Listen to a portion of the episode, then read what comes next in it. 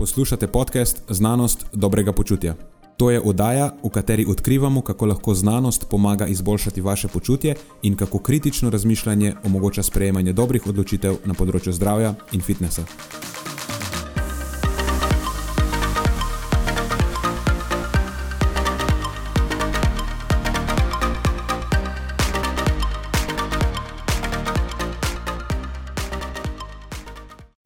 Pozdravljeni, z vami smo Nenad in moj sovoditelj Matjaš.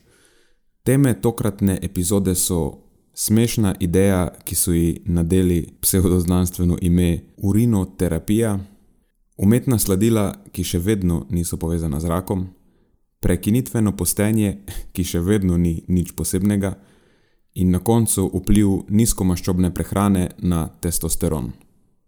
Preden začnemo, pa se moram zahvaliti še našim sponzorjem. Zaenkrat to še vedno ni velika korporacija, temveč zvesti poslušalci, ki nam izkazujete zaupanje in podporo s prijavo v našo člansko skupino Znanost dobrega počutja. Hvala vsem, ki s tem držite luči prižgane in omogočate podkastu, da raste in postaja še bolj kakovosten. Hvala tudi vsem, ki nas podpirate s pozitivnimi komentarji in visokimi ocenami, ter s tem, da priporočate podcast svojim znancem in prijateljem. Zdaj pa je končno čas za začetek epizode. Uživajte ob poslušanju.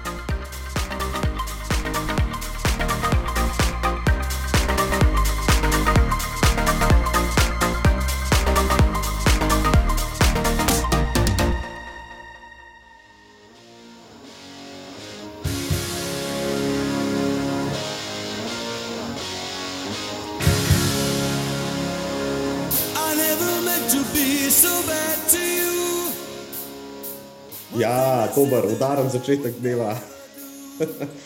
Tako je klasika, hit of the moment.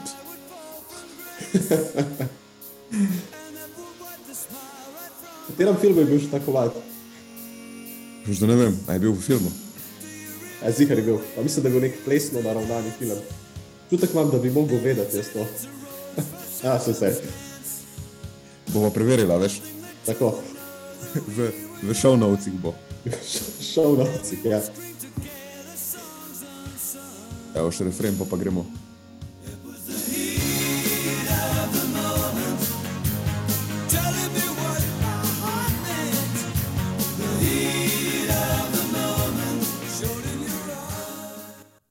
Ok, ne smeva se preveč zafrkavati, ker nimava dosti časa. Hm? Snemanje ob klasični uri, Torej, na vse zgodaj zjutraj, first thing in the morning. vstanemo skupaj s kurami ali pa jih še prehitimo. In posnamemo podcast. Ok, deva začeti z aktualnostmi, tako kot vedno. Tako, uh, končno je bil launch tega programa, o katerem govorimo že tako dolgo časa. Tako je, Čestitke, Nenad. postani mojster svoje prehrane. Uh, jaz sem iskreno zelo vesel, da je ta stvar šla ven. Long time in the making. Točno to, točno to. Se mi zdi, da je bilo leta in leta in leta v pripravah. Sam res, kdaj smo se že o tem pogovarjali? Pojmarijo, ampak dolgo nazaj. Koliko časa je bilo in the, kept in the secrecy varianta, veš, kao, ker smo ga izvajali samo za zaprte skupine. Uh, ja, tako je. Pa, ko bi si želel to povedati na vzven, pa pač enostavno ne moreš, Ja, ker ne obstaja, ker ne obstaja. uradno. Ja, drugač pa to je naš online coaching program, skupinski coaching program. Sej so že govorili o tem na prejšnjih epizodah. Vsebine so združene po sklopih, v nekih zaporednih korakih. Večina vsebin je posneta vnaprej, tako da si jih lahko udeleženci pogledajo v svojem tempu, znotraj tega enega tedna, potem pa dobijo domačo nalogo, nekako probajo to teorijo prevesti v prakso, potem pa na koncu tedna imamo coaching call, kjer zadeve pobrusimo po robovih, dodamo neke napotke, povejo svoje izkušnje. Tako. Tak hibridni stil uh, prevzemanja informacij, ki pa se je Ja. izkazal ja. kot super v preteklosti. Tako je. Po ja. eni strani je zelo fleksibilen, po drugi strani pa sen. Uh, Tako je. Dobiš navodila, potem pa probaš stvar sam, narediš par napak, in pol na podlagi teh napak se naučiš, oziroma na coaching kalu pol ugotovimo, kako bi lahko te stvari malo boljše. Podamo neke dodatne napotke, in načeloma v tem enem tednu se ta korak, ker to niso nikoli neki taki zelo pretresljivi eh, posegi v prehrano. Navadiš se, postane tvoja navada, potem pa naslednji teden dodamo naslednji korak in to je v bistvu zaporedje takih 12 majhnih korakov, ki na koncu privede do tega, da je tvoje razumevanje v prehrani bistveno, bistveno boljše in tudi tvoja prehrana, zna biti, če prej ni bila po izjemno visokih standardih, je zdaj precej boljša. Ne, nekaj, če je to ne taka avtošola prehrane, recimo temu. Mislim, da je to odličen, odlična prispodoba. Pa ne sem zato, ker je vezana z avtomobili, uh, ampak tudi na splošno. Ja, uh, močno si odkompliciraš prehrano, uh, veliko enih stvari si razjasniš, uh, končno te ne begajo vse tiste reklame, ki letajo levo in desno, kaj pa tisto, kaj pa ono, pa la la la. Ugotoviš, kaj je dejansko pomembno za te in kaj ti prinese dolgoročne rezultate. Ja. Še, ena, še ena stvar, zakaj se mi zdi program zelo vreden, je pa to, da gremo skozi, a veš, ni samo praksa v smislu, kaj moraš pri prehrani delati, ampak je tudi malo teorije. Spet ni to neka zelo kompleksna teorija, ampak zveš tisto, kar moraš vedeti, da pol ne bi štartal na vse neumnosti, ki jih slišiš o prehrani iz različnih virov, ki so netočne. Ve, veš prepoznati, kaj je smiselno in kaj ni smiselno, in več ne nasedaš neumnostim. Mislim, da je to še ena dodana vrednost. Mhm. Ja. In na koncu postaneš mojster svoje prehrane. Absolutno. Zdaj razmišljam, da bi na začetku moral dati nek komat, ki, ki je nek mojster. Če glih, kako je mojster, kako je mojster v angleščini, a je master, to se lahko polfolda drugače razume. ja, ja, ja, ja. Pa so že mogoče asociacije s čim drugim. Ja. Na kaj drugega. Ne, ne, kar ne ostane moj, kar ne ostane hit of the moment. Ja. Naslednja stvar, tudi zelo pomembno. Jaz se moram malo pritoževati, se bom mogel zdaj. Matjaš enostavno ne podleže mojemu prepričevanju, da začne kolesariti z mano. Tako da- Uh, ja, res je. Jaz sem se odločil, sem se, da izrabim ta podcast in dam klic vsem navdušenim kolesarjem, ki poslušajo ta podcast in so idealno doma v bližini Ljubljane. Da dej, poslajdajte v moj direct message na Instagram ali pa na, na Facebook, da se zmenimo za kakšno turo. Okay? Tako da lahko me tudi dodate na stravi, Matjaš niti strave noče inštalirati. In ko smo že pri stravi, pridružite se Feel Good klubu. Uh, tako da ja. Ampak ok, na srečo imam že par, uh, v narekovajih, žrtev pripravljenih, že za, da bodo šli z mano. Uh, z enim varovancem so se zmenila, zdaj za naslednji vikend. Nekoč sva z njim delala pri prehrani, zdaj pa hodi k timu na treninge, tako super, super fant. Uh, tako da najprej sem ga hotel prepričati, da grejo v Trojane na krov, ampak so se pol zmenila za nekaj drugega. Tako da povabilo za Trojane na krov je še zmeraj odprto. A tako, ne, nismo niti pri stoti epizodi, pa že izkoriščamo ta podcast za svoj personal gain. Za... Veš kaj, jaz ta podcast za svoj- svoj personal gain že izkoriščam dlje časa. uh, Sam je bilo bolj prikrito. Danes je bilo, danes je bilo pa res, danes je bilo res odkrito. Ja, dejte, no. Jaz mislim, da se boste imeli fajn z Nenadom, čeprav vas moramo pozoriti, uh, kilometre, ki jih dela, so kar. Ma neč kaj tasga ni. Ne se sekirati. Ok, a imaš ti kako stvar? Uh, ne, nikogar ne bom povabil s seboj za vikend avanture. Vse niso samo vikend, ampak po službi med delovnim tednom tudi odprto. A pa kadarkoli drug. okej, Imate okej. čas, moj urnik je dosti fleksibilen za te stvari. ne, nimam ničesar posebnega. Ok, good. Če eno stvar moram povedati, ki je tako bizarna, res je bizarna. Pr- Prvič, ki mi je eh, Maja rekla, da bi bilo ful dobro storije narediti na to temo, je bilo, ni šanse, tega se ne dotikam s petmetrsko palco, ker je preveč bizarno. Ampak potem smo pa dobili kar nekaj vprašanj na to temo. Ne, tako da očitno je videla malo prihodnost, kaj se dogaja. In kjer je bizarna tema, se spoh nisem še povedal, ker je temi, ampak bear with me. Pred časom so slovenski mediji objavili, tako na večjih naslovih, da slovenska imena naj bi se posluževala neke reči, ki se ji reče urinoterapija. Ne, zveni kot neka zelo znanstvena stvar. Ampak po domači to je tako, da piješ svoj urin, lulanje piješ. M- Mislim, a ni to bizarno? Ja, iz, izjemno bizarno. Jaz, ko sem videl tisto um, sporočilo, sem, sem se samo malo um, nasmejal sam pri sebi, pa nisem kaj preveč resno jemal. Ampak očitno je to bolj aktualno, ko- kot sem predvideval. Ja. A veš, ker če samo eno minuto časa za razmislek nameniš tej temi, pa mora ti biti jasno, da je to neumna ideja. Razumeš? A veš, če nekaj gre ven z namenom, najbrž ne da pol spiješ nazaj. Pusti ob strani, da je odvratno. Ja. In smešno mi je, da reče urinoterapija, ker to je tako. A veš, zdaj, kaj misliš, da če dodaš uh, končnico terapija nečemu, da pol pa že deluje? Veš, kaj bo pol? Na naslednji mesec bo mogoče koproterapija popularna. Mislim, lahko pogooglate, kaj pomeni kopros po grško. Vas ne zanima, ne priporočam sicer. Alternativni izraz, fekaloterapija. Ja, mislim, Bog pomagaj. E, tako da, ne vem, no, pač zavajajoče je, da to terapijo zraven, ker nima zadeva nobene, absolutno nobene znanstvene utemeljitve, nima nobenih ugodnih učinkov, še manj pa a veš, za preprečevanje bolezni. In tako, vse skupaj je že v samih temeljih je zmotno. A Veš, tako, e, i, t- t- ne vem, sploh. Vse skupaj izvira iz eh, zmot, pa nepoznavanja iz najosnovnejših dejstev v urinu. Veš, tam, ki navajajo, da urin je sterilen, pa ima eh, protiglivične, pa protibakterijske učinke. Ne, pač ni sterilen. Če bi bil sterilen, bi pomenilo, da v njem ni prisotnih nobenih živih mikroorganizmov.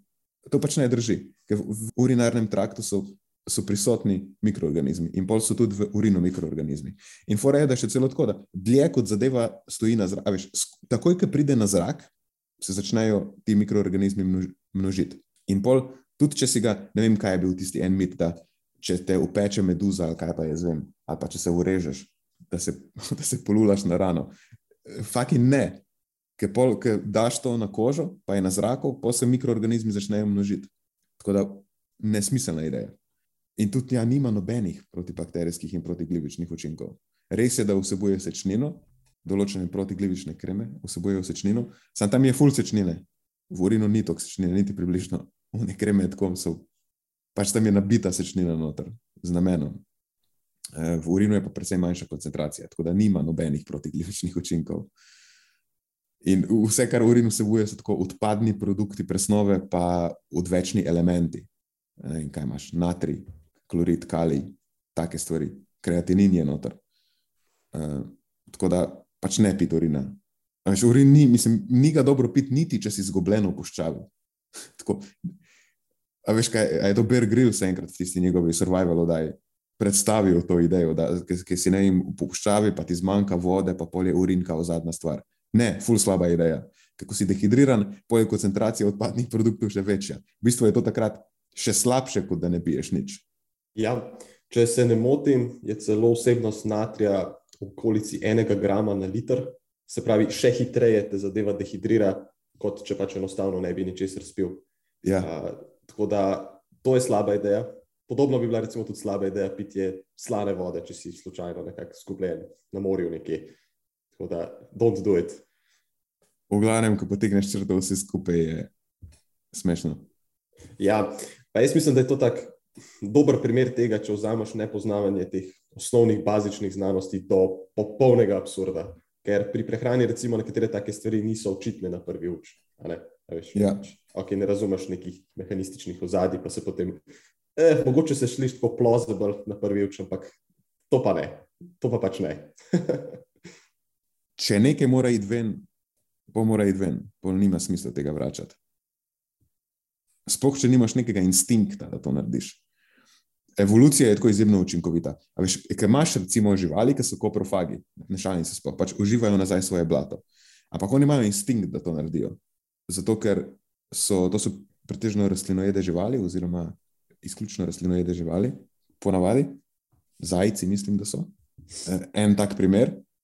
In ker ko zadeva ta eh, ostanki hrane fermentirajo v njihovih prebavilih, se tvorijo določeni vitamini, in potem ima zajec, ker jih s prehrano ne dobi, instinkt ali pa impuls, kakorkoli češ temu reči, da zadevo zaužije ponovno, a veš, da gre še en krok, da pol izkoristi še te vitamine. Sam ljudje nimamo teh instinktov. Vsaj upam, da ne. Ja, jaz tudi srčno upam, da ne. In tudi vse te stvari dobimo s prehrano. Tako da, prosim, ne.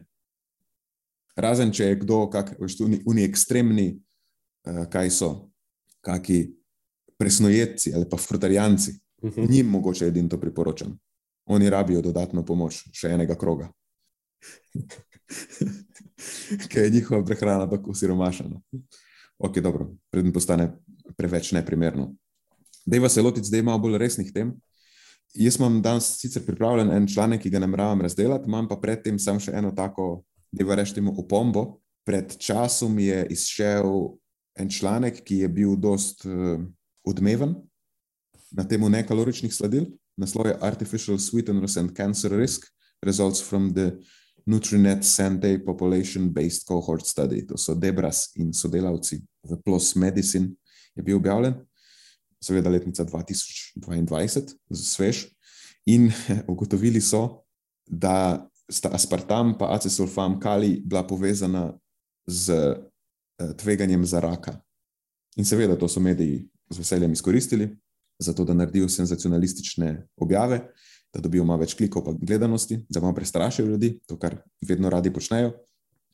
Ampak v resnici je to, pač to je epidemiološka raziskava, opazovalna raziskava. To je prva stvar. Oni so sicer probali nadzorovati za moteče dejavnike, ampak v tej zadevi je toliko šuma, da tega enostavno ne moreš dobro skontrolirati. In potem rezultati, ki so jih dobili, razmerja tveganja, ki so jih dobili, so za epidemiologijo tako smešna, da ti sploh ne morem povedati. Interval zaupanja se dotika enke, pomeni pač brez povišanega tveganja, ali je pa tako 1,01. In tudi sama razmerja tveganja so tam nekje 1,0 nekaj ali 1,1 največ. To je za epidemiologijo smešno. Tako, če ni vsaj dva, pol ne me sploh dražiti s tem. Nesmiselno je, ker lahko sicer probaš nadzorovati v epidemiologiji za določene stvari, ampak ne moreš vsega nadzorovati. Sploh pa ne, ko delaš s podatki, ki so jih imeli oni, ko imaš neke internetne vprašalnike in tako naprej. Kakorkoli so te stvari validirane, še zmeraj je noter šum in enostavno ne moreš. Plus, še naslednja stvar je, v prehrani z epidemiologijo lahko ugotavljaš povezanost nekih skupin živil, ali pa tako nekih tak, z nizko resolucijo lahko gledaš povezavo z zdravstvenimi izidi. Ne moreš iti ugotavljati učinka ene učinkovine, kot aspartama ali pa acesulfama ali pa nekega aditiva. Zato rabiš intervencijsko raziskavo, neko klinično, dobro nadzorovano raziskavo. Ne, ne moreš tega v epidemiologiji gledati, ker je vedno toliko šuma, da enostavno se učinek te ene sestavine, ene učinkovine na koncu skupi v tem in ne dobiš dobrih rezultatov. Ne vem, kdaj bomo to ugotovili, končno. Sploh pa pol, še zadnja, tretja stvar, ajde, ok, pravi, mogoče za acesulfam kali, v redu, pač to je kalijeva sol, neke čudne spojine. Kaj pa je zdaj? Mogoče celo bi obstajal mehanizem, čeprav ne vem. Če je poznan po kerem, bi mogoče lahko ta stvar imela nek neugoden učinek. Ampak tako, razumeš za aspartam? Mislim, pač to je metil ester dveh aminokislin, asparaginske kisline pa fenilalanina. To, ko poješ, razpade na metanol, najbolj enostavni alkohol in te dve aminokislini. Vse te stvari so v bistveno višjih količinah prisotne v prehrani. Tako enostavno ni mehanizma, ne more biti. Upam staviti, kar češ, upam staviti, da aspartam ne more imeti neugodnih učinkov na, na zdravje. Ker polje, tudi paradižnik, pa banane, pa eh, piščanc, pa vse to če ena stvar od teh, metanol, ok, metanol sam po sebi vemo, da, lahko, da je lahko toksičen. Sam ne, ko ga je tako malo, ker potem, če je takšna majhna količina metanola problematična, pol vse, kar ima metanol v prehrani, ima več metanola in bi moglo imeti bolj škodljive učinke, ampak ta ista živila so povezana z ugodnimi učinki. Tako da ne vem, na kakšen način bi lahko aspartam bil. Tako aspartam je od vseh najbolj varno, pa so vsa varna zaenkrat je pokazano, da so precej varne in da se v bližnji prihodnosti nič ne bo spremenilo. Tako da vse skupaj je samo frustracija. Mislim, sej ni, sej je smešno na nek način. Da, da še zmer se porablja čas pa resursi, da se raziskuje take neumnosti. Raziskuje v narekovajih. Ja, uh, raziskuje v narekovajih, predvsem pa uh, na, na, poroča na tek, tak zelo šlampas način laični javnosti in samo še povzdiguje nek strah pred nečem, kar pač ne obstaja. Ja. In potem imamo spet mi, kot praktičnari, delo v praksi, kjer uh, poskušaš nekomu približati uh, nekalorična sladila za namen nekega lažjega uravnavanja telesne mase, uh, pa se pač tega enostavno nočejo poslužiti, ker so slišali že tisočkrat iz medijev, da je to kancerogeno in nevarno in da boš od tega umrl in ne vem kaj še vse. Je frustrirajoče v končni fazi. Imaš super orodje, res super orodje, pa ga pač enostavno ne moreš uporabljati. Ja, aspartam ima samo eno pomanjkljivost. Ne To moreš kuh- Ne moreš kuhati z njim, A, ok. Veš, to ni problem za me. ni toplotno obstojen. Jaz ga ne uporabljam za kuhati. A ne moreš ga dati v kakao, veš, varianta pa v kavo, pa v te stvari. ja, to pa je res, ja. To pa je res. Ok, se nič hudega se ne zgodi z njim, ampak sam neha biti sladek. Mhm. Malo poraziš na mene. Ja, zgubiš poanto vsega skupaj. Ja. Vroča kava z aspartamom sicer je enako uh, ugodna za zdravje kot uh, brez aspartama, ampak uh, Ni pa, ni pa super okusna. Ali pa Ja. super sladka. Evo, tako. nič se ne zgodi. Ok, zdaj pa res na resne teme. Imamo eno, spet se bomo dotaknili, ne, lahko rečemo, prekinitvenega postenja ali pa omejenega časa hranjenja. Ojoj, nekalorična sladila in prekinitveno postenje v enem podkastu. Tako je. Wow. Če glih v kontekstu tega članka, da je reči omejen čas hranjenja, če glih intervencija, ki so jo uporabili v tej raziskavi, bi mislim, da lahko ustrezala kriteriju in prekinitvenega postenja, ker so jedli 8 ur, pa 16 ne. Tako da to Ja, ta- to je klasični AF. Ja, to je neka klasična zadeva. Moral sem vzeti ta članek, ker je to očitno še nekaj, to prekinitveno postenje, kar je zdaj še vedno zelo popularno. O tem zdaj vsi govorijo. Mhm. In ima naj bi imelo neke ugodne učinke, in bilo boljše od navadne restrikcije, ali pa celo ne bi rabo imeti kalorične restrikcije, pa bi dosegel neke ugodne učinke, itd. itd. Tako da tukaj zdaj v tej raziskavi so tako, res lepo so pokazali, kakšne so dejansko razlike med normalno kalorično restrikcijo, ali pa če imaš kalorično restrikcijo v kontekstu tega nekega prekinitvenega postenja oziroma omejenega časa hranjenja, ker samo v enem strnjenem oknu dneva zaužiješ vso hrano, ob enakem kaloričnem primankljaju.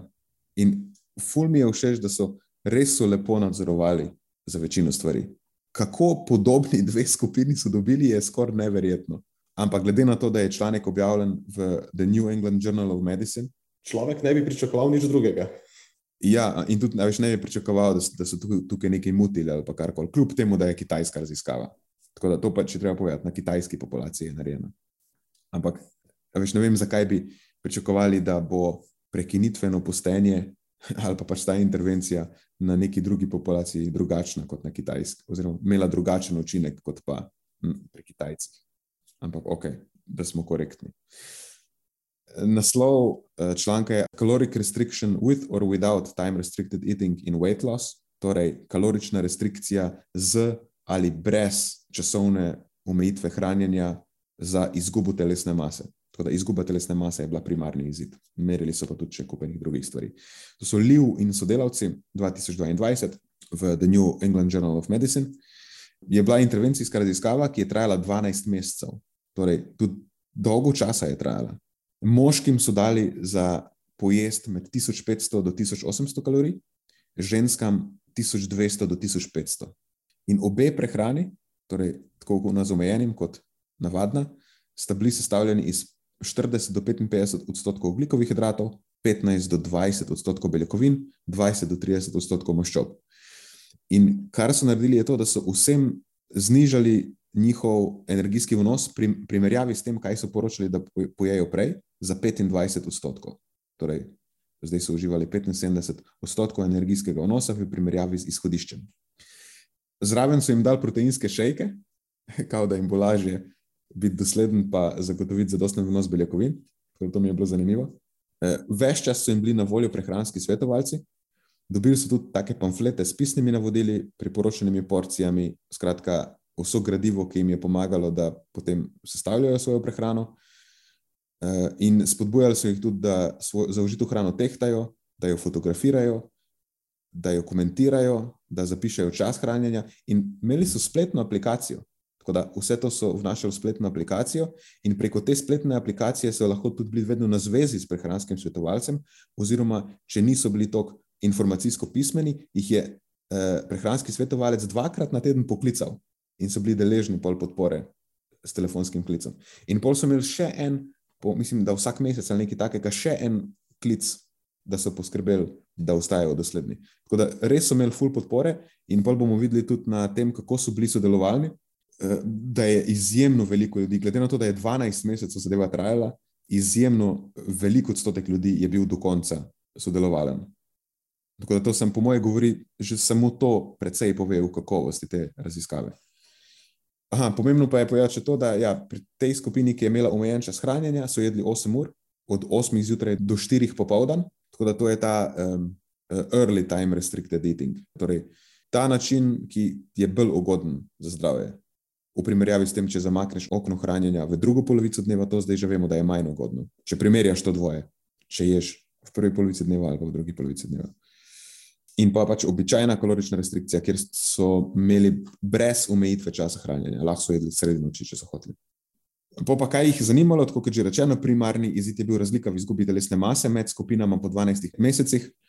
Druge stvari, ki so jih zanimale, torej sekundarni izidi, so bili pa obseg pasu, delež telesne maščobe, količina puste telesne mase in pa ti najbolj klasični dejavniki tveganja za presnovne bolezni. Glukoza na tešče, inzulinska senzitivnost, merili so tisto HOMA, IR, ki smo že govorili o njej v prejšnjih epizodah, ravni lipidov v serumu, krvni tlak in mislim, da je bilo to to. Eh, Kar se tiče pa meritev telesne mase, pa tudi zanimivo, uporabili so DEXO, uporabili so tomografijo in pa elastografijo, to je ena taka, eh, kako bi tem rekli, napredna ultrazvočna tehnologija. Eh, S tem so izmerili delež maščobe v jetrih. Da, ja, to je še ena stvar, ki so jo merili, pa tudi abdominalno maščobo, ta trunk fat, pa mislim, da količino puste telesne mase na okončinah. Ampak že, a veš, že to, kako so telesno maso, pa eh, telesno sestavo merili, tudi pove nekaj o kakovosti. Tako niso rekli, ok, jim bomo ker nekaj, ampak tako več metod so uporabili. Ampak sem si da še nekaj komentar na tem naslovu. Uh, ja, sem, zelo sem vesel, da so uporabljali več različnih metod. Okay, Torej, ni bila, ni bila samo uh, klasična tehnika v igri. Ja, absolutno, da ni bila. No, vse se mi je zdelo, to, to ne bi bilo, uh, to ne bi bilo uh, prid neki taki raziskavi. Ja. Uspeli so nabrati 139 udele- udeležencev, z teh 139 udeležencev so potem na ključno razdelili v dve skupini, pač eno z omejenim časom hranjenja in eno z običajno kalorično restrikcijo. Ta z omejenim časom hranjenja je imela 69 udeležencev, običajna pa 70. In pazi zdaj to, kar se tiče adherence oziroma sodelovalnosti. 135, to je 97 odstotkov udeležencev, je dokončalo šestmesečno intervencijo, torej na polovici. In 118, to je pa še vedno 85 odstotkov, jih je dokončalo celotno 12-mesečno intervencijo. Tako da oni so nekako naredili izračun, da potrebujejo 139 udeležencev, na podlagi tega, da so predvidevali, da bo 25 odstotkov ljudi odpadlo. Potem bi imela raziskava še vedno dovolj veliko statistično moč. In tukaj so imeli bistveno več ljudi, kot so jih rabili.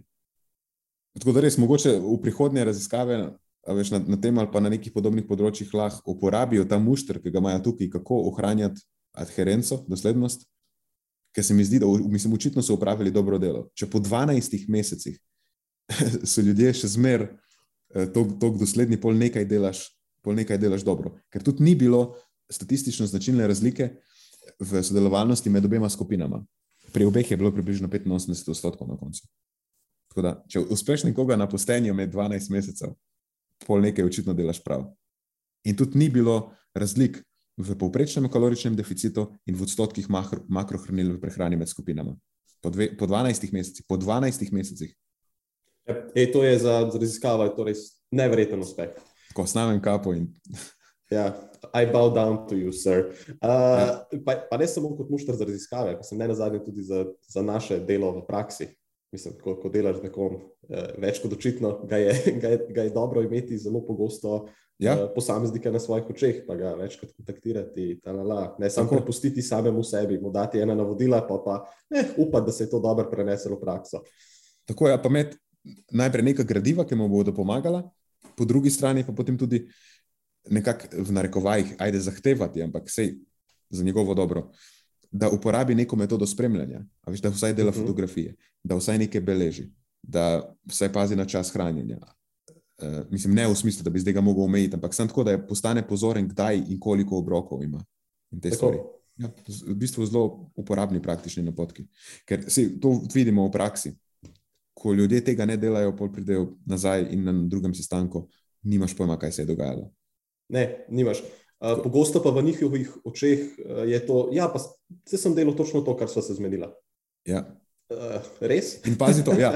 In, š- evo, to je pa še en nauk iz te raziskave. Okay. Zdaj, po tem, ko so jih spremljali, je bil njihov, njihovo ocenjevanje tega, kar zaužijo, je bilo relativno natančno. Ampak pred intervencijo so pa vsi, takrat pač, ki niso beležili še, ne, so vsi poročali, da zaužijajo malo čez 2000 kalorij.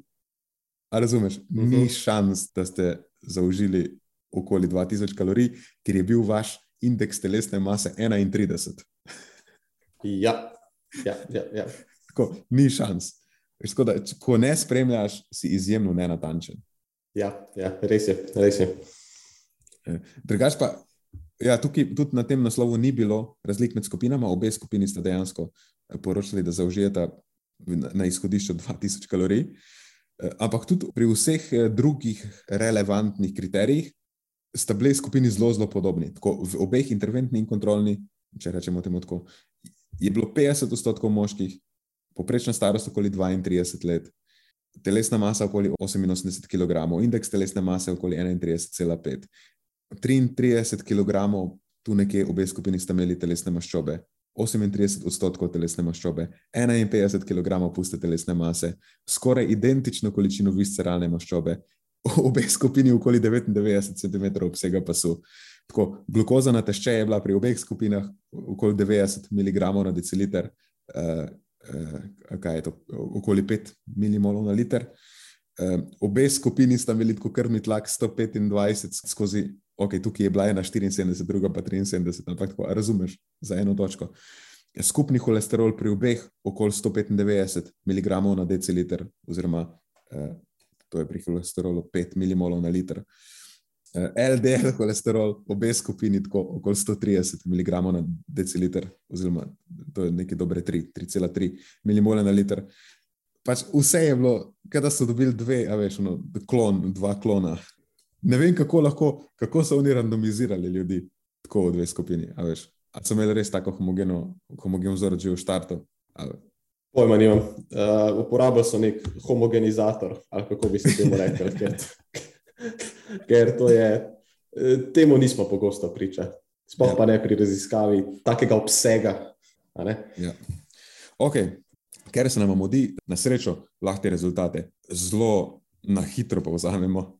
V bistvu v izgubi telesne mase, kar je bil primarni izid, nikjer nobene značilne razlike. Niti v izgubi same telesne mase, niti pri zmanjšanju obsega pasu, niti v deležu udeležencev, ki, sko, ki so izgubili 5, 10 ali pa 15 odstotkov telesne mase, in tudi analiza podskupin, ki so jo naredili, eh, ko so eh, preverili, ali bi recimo lahko spol ali pa indeks telesne mase ali pa inzulinska senzitivnost nekako vplivala na te rezultate, ali bi lahko pri recimo ljudeh, ki imajo boljšo ali pa slabšo inzulinsko senzitivnost, bila razlika med skupinama. Nobene razlike, nič od tega ni, ni vplivalo na rezultat.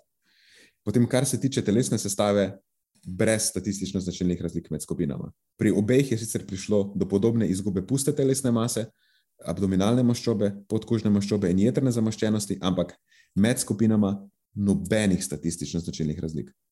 Polk so gledali presnovne dejavnike tveganja, znižal se je krvni tlak pri obeh skupinah, kar je seveda logično, ker se skozi zgodi, ko nekdo izgubi telesno maso, ampak brez statistično značilne razlike med skupinama, brez razlik v glukozi, brez razlik v lipidih v serumu, brez razlik v inzulinski senzitivnosti, po 12 mesecih zelo podobni rezultati.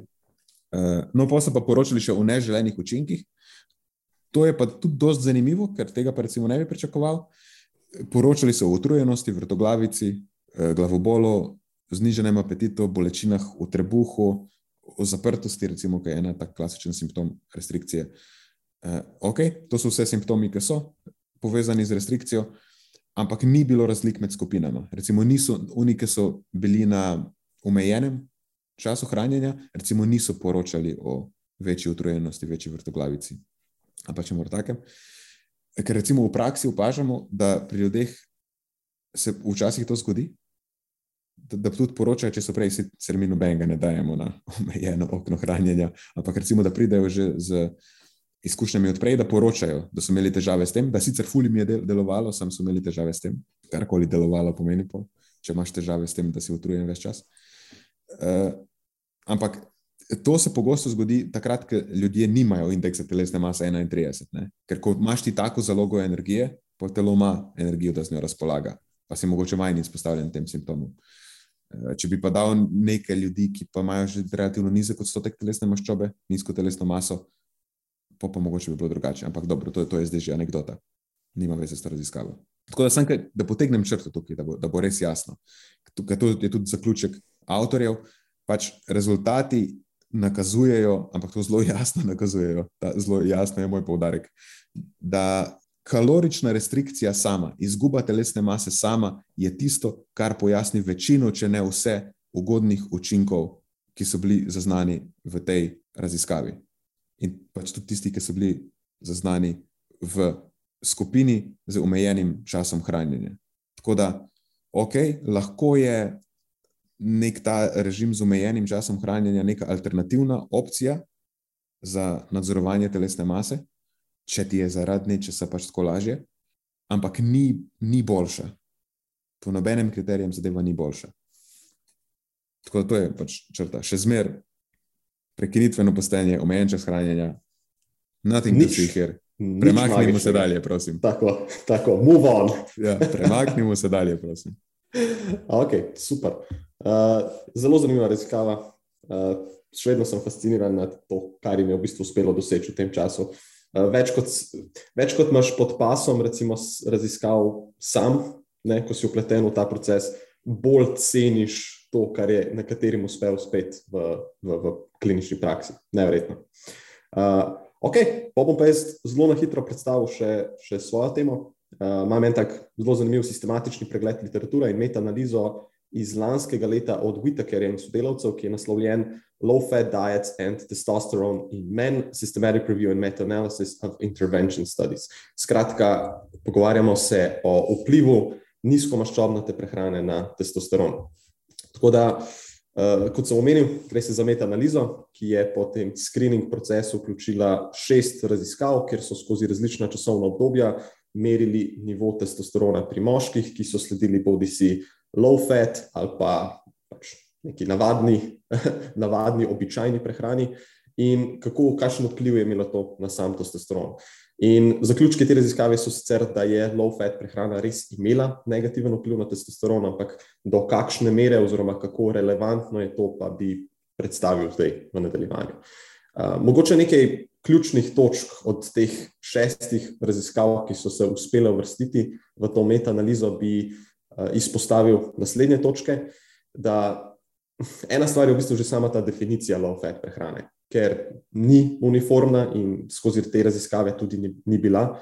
Ne, pri dveh raziskavah je recimo to pomenilo vnos maščob do 25 odstotkov dnevnega energijskega vnosa, pri eni je bila pa celo zelo globoko pod 10 odstotkov, 6,8 odstotkov, če smo tančni. Ne. Tako da 25 odstotkov dnevnega energijskega vnosa iz maščob ali pa 6,8 odstotkov nista ista stvar. Uh, in, in vezano na to je tudi uh, sam energijski vnos, ki so ga posamezniki uživali v teh različnih raziskavah. Ker pri štirih izmed teh šestih raziskav je bilo moč opaziti redukcijo telesne mase za tam približno en kilogram telesne mase po dveh do desetih tednih, kolikor so pač trajale te raziskave. In, in ponovno, ne, 25 odstotkov energijskega vnosa iz maščob pri enem energijskem vnosu ni ista stvar kot pri drugem.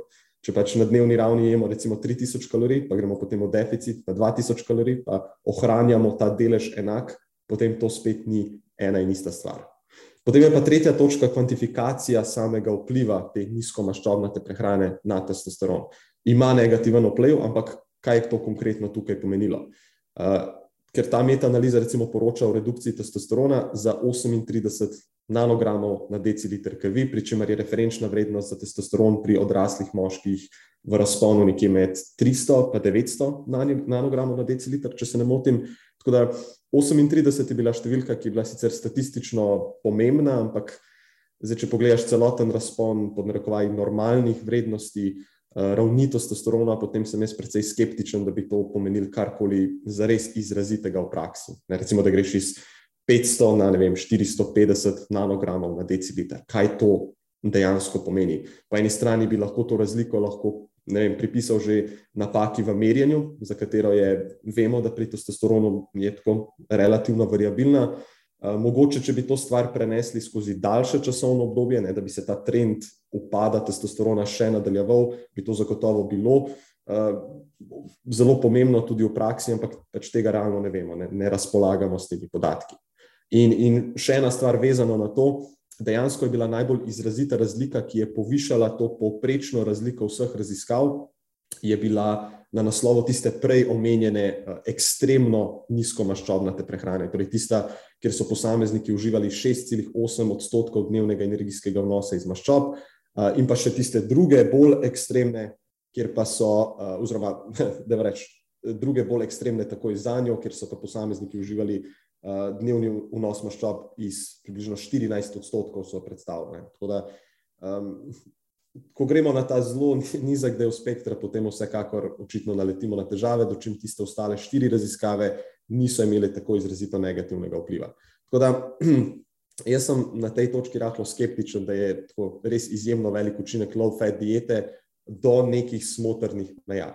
Ne, absolutno ne mislim, da bi maščobe morale pasti izjemno nizko, ampak če nismo v deficitu, In če smo vsaj na nekem ohranjevalnem vnosu energije, ohranjevalnem smislu, da, da, da ne izgubljamo ali da ne pridobivamo pretirano na telesni masi, potem nisem pripričan, da je z deležom maščob tam v razponu nekih 15 do 20 odstotkov približno uh, dnevnega energijskega vnosa karkoli narobe. Če pa gremo kaj bistveno niže od tega in to za daljše časovno obdobje, potem pa se najbrž začnejo čudne stvari dogajati, tako da seveda ne bi pretiraval.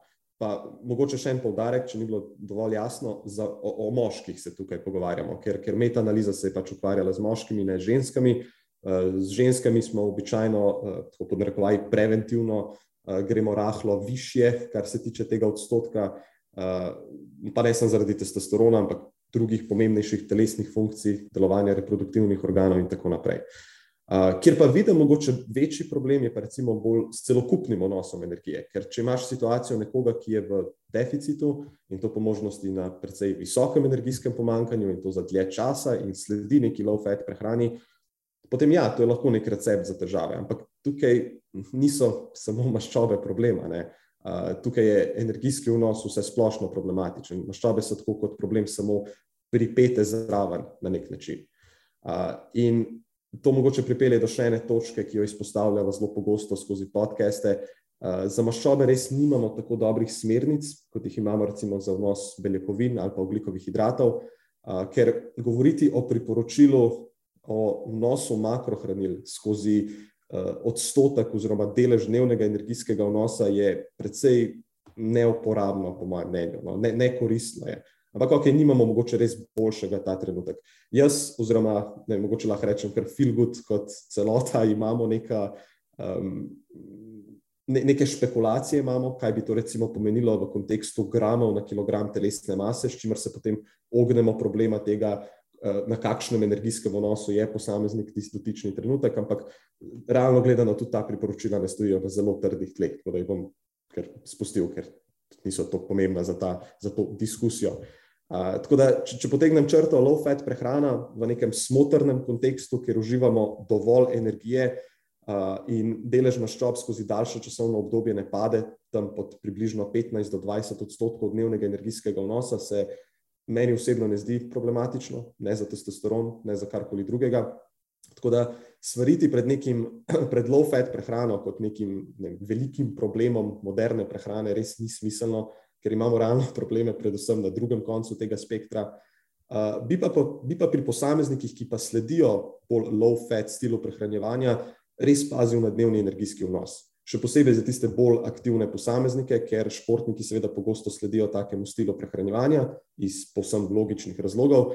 Uh, in veš, ne, ne pojesti premalo prehrane, Mislim, ne pojesti premalo energije na splošno, ne biti v previsokem deficitu in to skozi daljše časovno obdobje. To bo eh, recept za katastrofo, pa ne samo za testosteron. Uh, tako da to je pravzaprav to, tak, zelo hiter pregled low-fat prehrane in testosterona. Ja, ne jesti predolgo časa premalo hrane. Ja. To je, vč- včeraj sem na Instagramu objavil eno stvar o tem, kako eh, pošalil sem se malo, pa sej v bistvu drži. Če ješ premalo, boš zbolel. In pol mi en komentira, če, kako če ješ premalo, boš zbolel, če pa kalorična restrikcija podaljša življenjsko dobo. Ne? Pa sem mu napisal nazaj, ne, v bistvu edina stvar, kar ti kalorična, kronična kalorična restrikcija, ne? v smislu, da se tega res dolgo časa držiš, da ti je to nek življenjski slog. Edino, kar ti podaljša, so hematološki, imunološki, pa endokrinološki uh, neki problemi, rečemo temu. Ne? Ker kalorična restrikcija podaljša življenje, dokazano podaljša življenje, sam ne vem, kvasovkam, pa nekim glodalcem tam ali pa drugim modelnim živalim, ki živijo v nadzorovanih okoliščinah laboratorija. Ker ti, če si dolgo časa v restrikciji, pač postaješ fragilen in težje shajaš z izzivi resničnega sveta. Veš, prosto živeči ljudje pa živimo v resničnem svetu, kjer ni samo važno, kako dolgo lahko mi obstajamo v prostoru, ampak tudi moramo biti dost uh, sposobni, um, ne, da vse, kar se okoli nas dogaja, da nas po domače povedano, povedano ne ubije. In če ti postaješ vedno bolj fragilen, pol pač fragilni ljudje umirajo prej. In res ni smiselno pričakovati, da ti bo to podaljšalo eh, življenjsko dobo. Ja, če bi obstajal v neki škatlici, kjer bi te vsi sam gledali, pol mogoče bi lahko bil v tej škatlici dlje, ampak kakšen, kakšno življenje bi bilo pa to? Ne? A, a, a je res samo trajanje življenja nam pomembno, tudi če bi to, to sploh ne vemo, če bi pri ljudeh delovalo, ni nobenih indikacij, da bi imelo to pri ljudeh enako učinek kot recimo pri podganah ali pa eh, kvasovkah. Ampak tudi, recimo, če predpostavljamo, da bi to bilo res, mislim, kakšno je to življenje pol? Ne, to spet pridemo do tega trajanja, pa kakovost življenja. To so dve lahko zelo različni stvari. Ne? Ampak, ok, pusto po strani. Nekaj sem hotel še drugega reči. Uh, aha, edini tako res solidni dokazi, ko govorimo o priporočilih maščob, so ti, ki jih imamo v zvezi z uh, absorpcijo v maščobi topnih vitaminov. Ne, tukaj vemo, da recimo okoli 10 gramov maščob na obrok nekako skoraj optimizira absorpcijo v maščobi topnih vitaminov. Tako da, če pri vseh obrokih ješ manj kot 10 gramov, veliko manj kot 10 gramov, recimo, samo da imaš par gramčkov maščob, tako da si res omejuješ te maščobe, to potem lahko ima neugodne uh, učinke v smislu, da si predelaš neko pomankanje v maščobi topnih vitaminov. Ampak več kot to pa v bistvu ne vemo.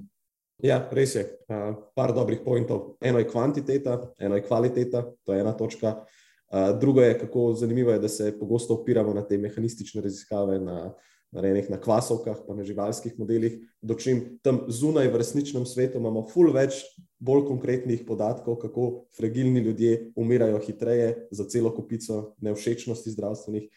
In ja, tretja točka je to, točno to, kar si omenjal. Uh, nimamo tako dobrih priporočil. Ja, plus to, da recimo vemo, eh, kronična restrikcija, ne? sploh pri ljudeh, ki pa morajo shajati z večjimi izzivi, tako kot športniki. Recimo.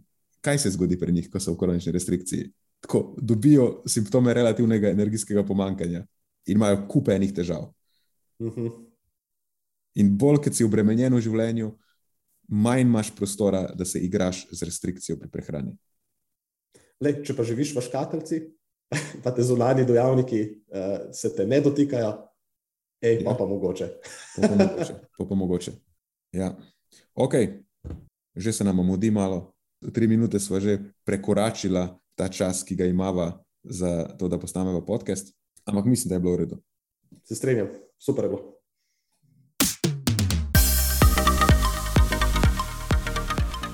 To je za tokrat vse iz naše strani. Hvala, ker ste poslušali do konca. Delite epizodo s svojimi znanci in prijatelji in jo priporočajte dalje, saj s tem omogočite, da sporočilo znanost dobrega počutja doseže čim večjo množico. Hvala vsem, ki nas podpirate s članarino in tudi vsem ostalim, ki delite podcast dalje in nam izkazujete naklonjenost z visokimi ocenami in pozitivnimi komentarji. Se slišimo prihodnjič, do takrat pa ostanite premišljeni.